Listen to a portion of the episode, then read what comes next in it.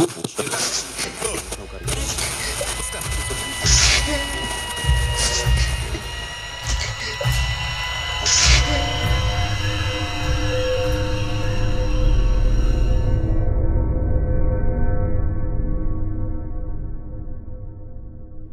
datang di RJ5 bersama gue Fajar Aditya.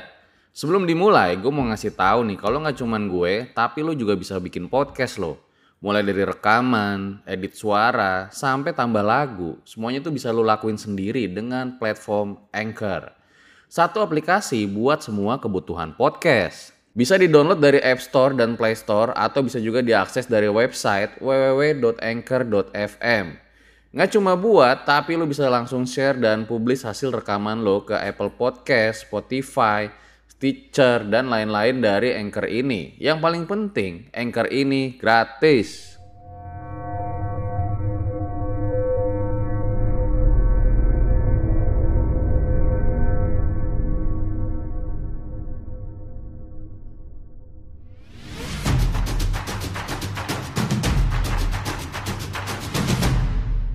Kini Podcast Network.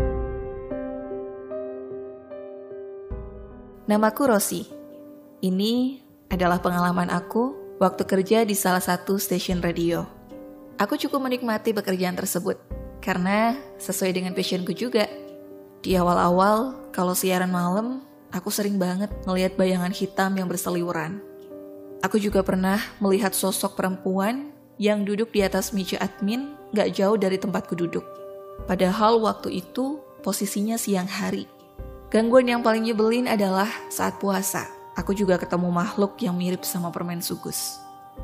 Tapi terlepas dari semua itu, aku bersyukur karena bisa bertahan kerja di sana dalam waktu yang cukup lama.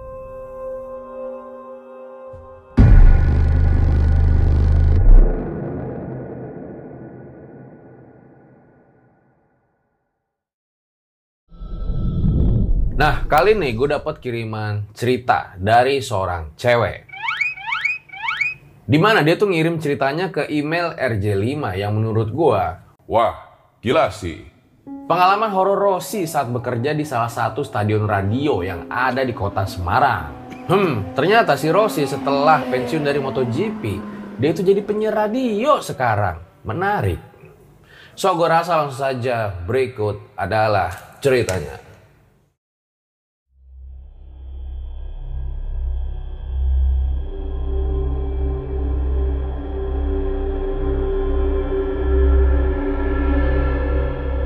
Rossi, seorang remaja cewek yang cukup cekatan. Badannya itu ideal, tinggi lagi. Nah, dia itu memulai karir di radio pada awal tahun 2016. Kebetulan saat itu si Rossi juga sebenarnya masih kuliah, masih semester 6. Jadi dia nyambi sambil kerja gitulah. Hitung-hitung buat bayar kuliah juga.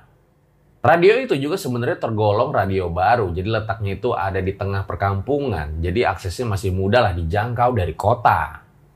Kesan pertama Rossi ketika interview di sana ya normal-normal aja, apalagi kantor itu juga terlihat nyaman.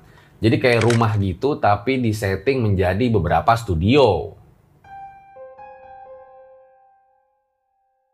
Di ruang siar hanya ada dua kursi penyiar, meja siar sama dua kursi narsum. Dan di sana itu kayak ada satu jendela kaca. Yang bikin beda, ruangannya itu kayak bener-bener tertutup dengan background di dalamnya itu warna abu-abu sehingga terkadang menimbulkan kesan horor, apalagi kalau berada di sana malam-malam.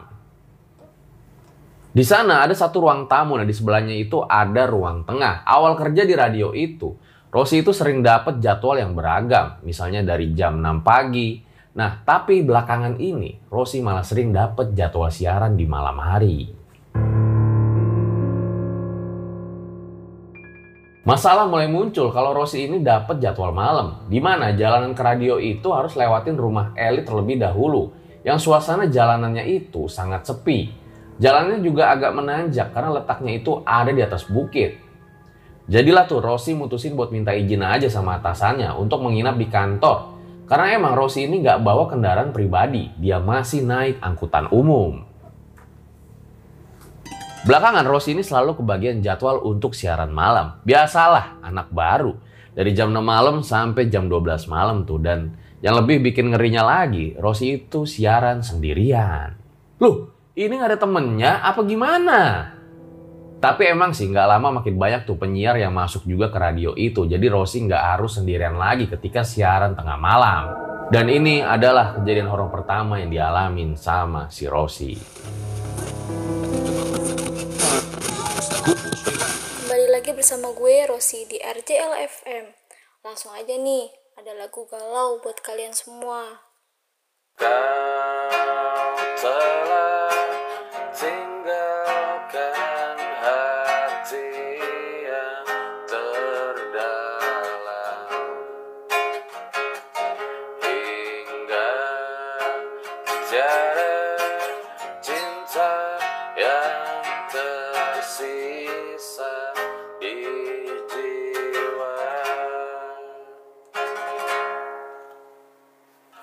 Di malam itu, Rossi ini lagi siaran sendiri di studio. Di mana ketika dia lagi lihat audio di headset, tiba-tiba aja suaranya tuh turun sendiri jadi makin pelan. Loh, ini file rusak apa gimana ya? Namun anehnya nggak lama suara itu kembali normal. Dan beberapa saat kemudian suaranya itu kembali pelan lagi. Dan kejadian ini terjadi sampai berulang-ulang. Loh kok ini musiknya turun-turun sendiri gini dan yang bikin si Rossi itu jadi makin tegang dan merinding ketika dia lihat ke bagian mixer audio di mana alat fader untuk mengontrol suara itu turun naik sendiri.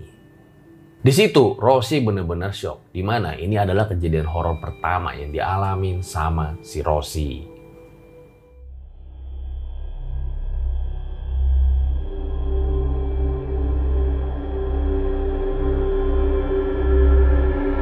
Di suatu siang, Rossi ini lagi ngobrol sama OB di ruang tamu. Biasalah, ngobrolin gosip kantor.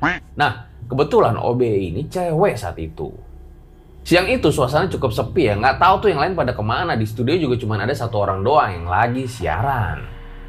Hingga pas lagi asik-asik ngobrol, mereka itu ngelihat ke arah ruang dapur ya.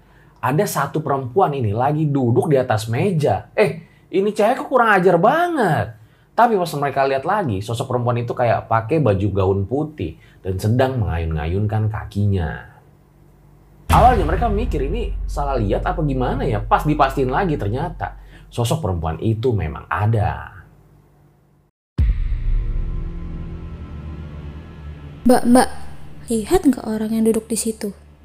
Hmm, iya, udah pura-pura nggak lihat aja mbak. Itu hantu apa siapa ya? Kalau hantu kok bisa muncul siang-siang sih? Pikir Rossi pada saat itu.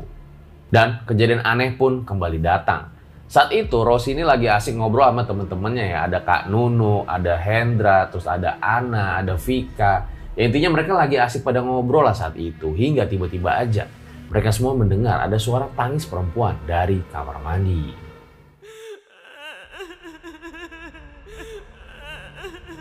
Siapa tuh yang nangis? Lah, yang di kantor kan pada ngumpul semua di sini. Bingung lah tuh semua di situ. Masalahnya di kantor itu cuma ada mereka doang yang lagi pada ngumpul di ruang tengah. Lah terus yang di kamar mandi nangis itu siapa dong? Dan ternyata ini semua baru permulaan. Hari-hari berlalu, Rossi ini kayaknya mulai paham. Sepertinya ada yang lain di kantor ini. Karena memang teman-temannya itu juga banyak mengalami hal horor di radio tersebut. Ada bayang di time lewat lah, dan yang paling sering itu kayak suara gaduh dari arah dapur kalau udah malam hari. Kayak sendok jatuh maupun barang-barang lain yang terlempar sendiri. Seperti yang dialamin oleh Ani ini. Ketika jam 10 malam, Ani ini lagi sendirian di ruang transit. Dia lagi asik tuh ngetik di komputer. Jadi di ruang transit ini ruangannya cukup besar. Ada satu kamar tidur, di samping kirinya tuh ada satu lemari yang cukup besar dan tinggi. Nah saat lagi asik-asik ngetik, tiba-tiba aja ada yang ngelempar kardus ke arah Ani. Lah, siapa nih yang lempar kardus nih? Di situ Ani terdiam karena emang dia mikir jarak dari lemari itu ke tempat dia lumayan jauh, kira-kira sekitar 2 meter lah. Dan nggak ada siapa-siapa di situ. Siapa coba yang ngelempar kardus itu? Ani takut, dia merinding langsung buru-buru keluar tuh nyamperin Rossi yang ada di ruang siaran. Di situ mereka yang ketakutan pun jadi langsung keingetan ya. Cerita yang dialamin sama Rossi dan Kak Nunu beberapa waktu yang lalu. Malam itu Rosi lagi siaran nih sama Kak Nunu berdua doang. Dan entah kenapa malam itu hawanya rada nggak enak gitulah kalau menurut Rosi. Nah biar nggak takut mereka bercanda-canda tuh. Kalau udah malam biasanya pintu yang ditutup itu cuman gerbang sama ruang tengah doang. Ruang tamu sengaja dibuka ya sebagai tanda kalau masih ada orang di ruangan itu. Biasanya juga ada OB senior namanya Pak Karso. Jadi dia suka datang buat ngecek radio gitulah sekitar jam 10 malam. Di mana rumahnya itu juga dekat dengan radio tersebut. Hingga tiba-tiba aja mereka ini ngedengar kayak ada suara orang buka pintu ruang tengah. Di mana awalnya itu mereka mikir janjian Pak Karso lagi. Hingga Rosi dan Nunu pun gak lama terdiam.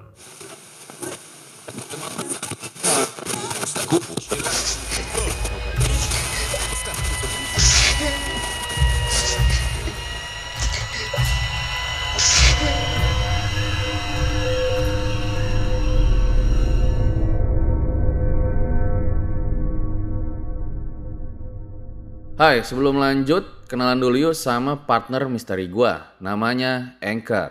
Anchor ini adalah all-in-one podcast editing platform yang membuat gue lebih mudah untuk rekaman, edit suara, tambah lagu, dan segala hal dalam pembuatan podcast yang sedang kamu dengerin kali ini. Anchor bisa ngebantu kamu bikin podcast kamu sendiri. Caranya tinggal download dari App Store dan Play Store.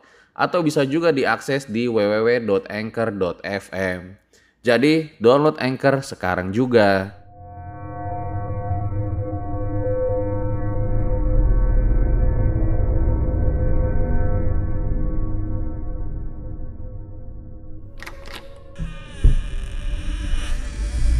Nu, tadi dengar pintu ruang tengah kebuka nggak? Iya mbak, dengar. Apa itu Pak Karso yang masuk ya? Tapi kok nggak ada suara orang buka gerbang? Nah, itu yang aku bingung. Kan gerbang kantor kita di Grendel. Harusnya kalau ada yang masuk, kedengeran suara gerbang kegeser dong, Nu. Suasana yang tadinya santai sekarang jadi tegang. Rosi sama Nunu kayak saling dorong-dorongan gitu ya buat ngecek ke ruang tengah. Mereka parno tapi serba salah juga. Bisa jadi kan maling yang masuk. Akhirnya mereka berdua sama-sama tuh buka pintu studio ya di ruang siar. Di mana pas mereka lihat ke ruang tengah, ternyata nggak ada siapa-siapa. Sepi kayak suasana hati gua. Nah akhirnya Rosi pun memberanikan diri ya untuk nutup aja dah pintu yang di ruang tengah supaya nggak terjadi apa-apa. Dan nggak lama mereka pun mulai tuh masuk lagi ke ruang siaran. Mereka ngobrol lagi tuh kayak biasa hingga semuanya lagi-lagi terdiam. Ketika mereka ngedengar kayak ada orang yang lagi mainin gagang pintu. Suaranya sangat keras, seperti orang tuh pengen maksain buat masuk gitu loh. Seketika Rosi dan Nunu itu takut. Dia langsung ngumpet di pojok ruang siaran. Wah gila, nggak beres nih kantor. Si Rosi pun langsung nelpon Pak Karso tuh minta pertolongan. Halo Pak, tolong nih Pak, kita digangguin setan. Hah? Setan? Yaudah mbak, tunggu saya datang ya. Dan nggak lama, Pak Karso pun datang ke kantor. Mbak, panik gitu? Pak Karso ke mana aja sih? Biasanya Bapak kan ke kantor lebih awal. Kok tadi nggak ke sini?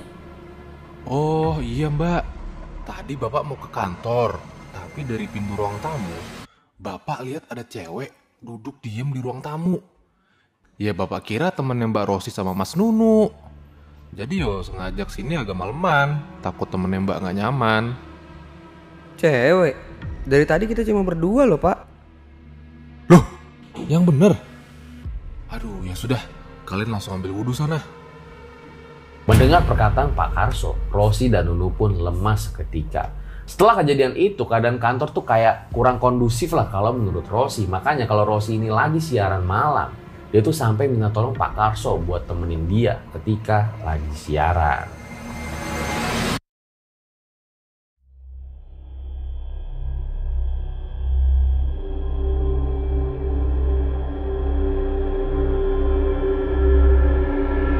Salah nih menurut Rosi. Di satu sisi dia tuh suka kerjaannya karena emang sesuai passionnya. Di sisi yang lain kok dia ngalamin horor melulu.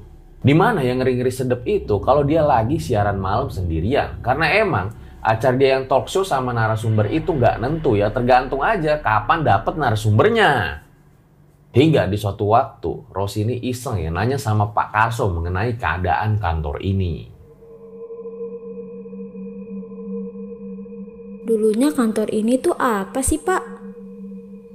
Jadi sebelum kantor ini jadi studio, memang sempat kosong selama 2 tahun mbak.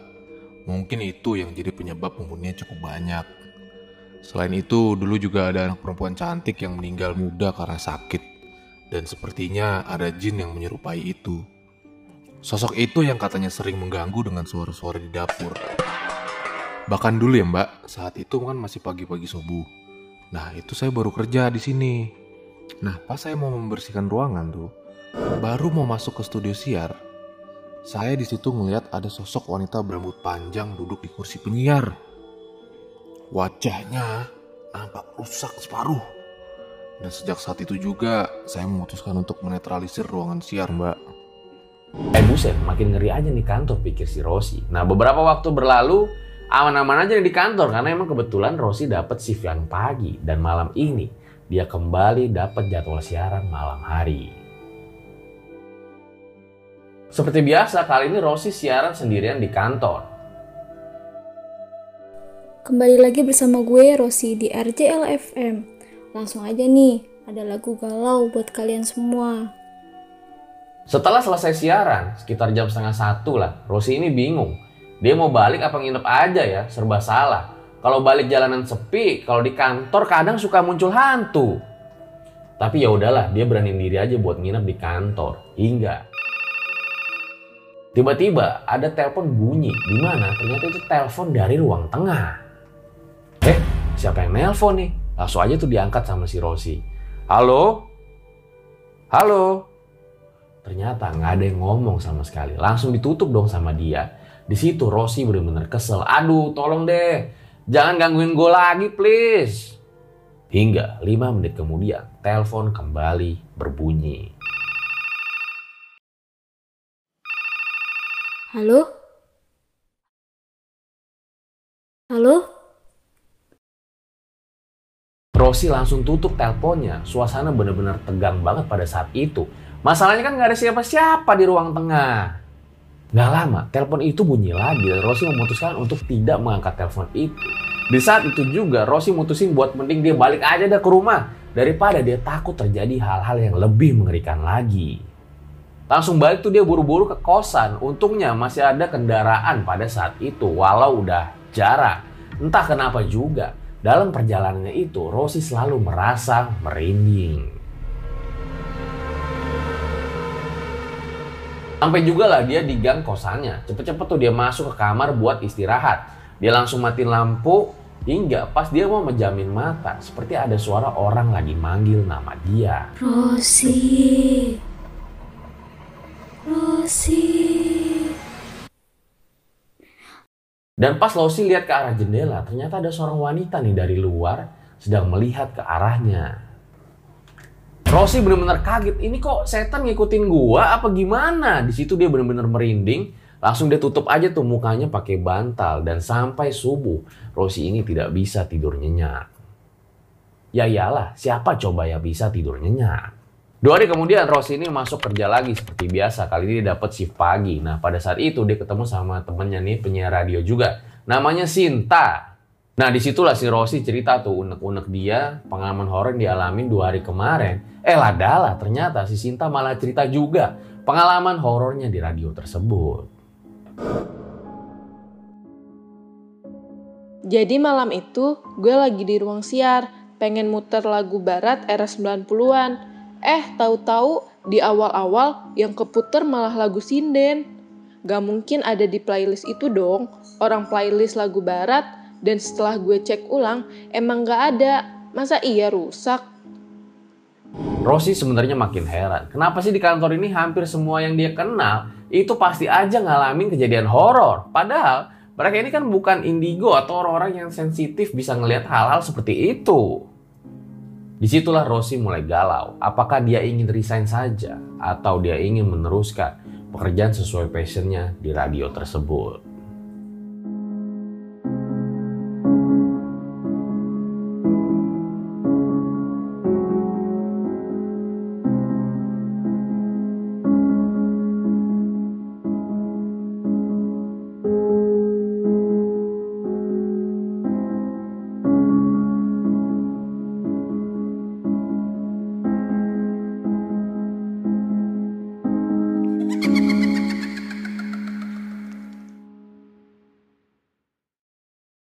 Itu dia guys sebuah kisah dari Rossi ya, di mana dulu gue juga sempat punya cita-cita ya. Pengen jadi penyiar radio, tapi nggak kesampaian tuh. Akhirnya malah jadi konten kreator di Youtube. Ambil baiknya, buang buruknya. Dengan ada kisah-kisah seperti ini, jangan malah menjadikan kalian takut. Akan kan harus semakin yakin dan percaya dengan kebesarannya. Gue Fajar Aditya, RJ5 undur diri. Ciao.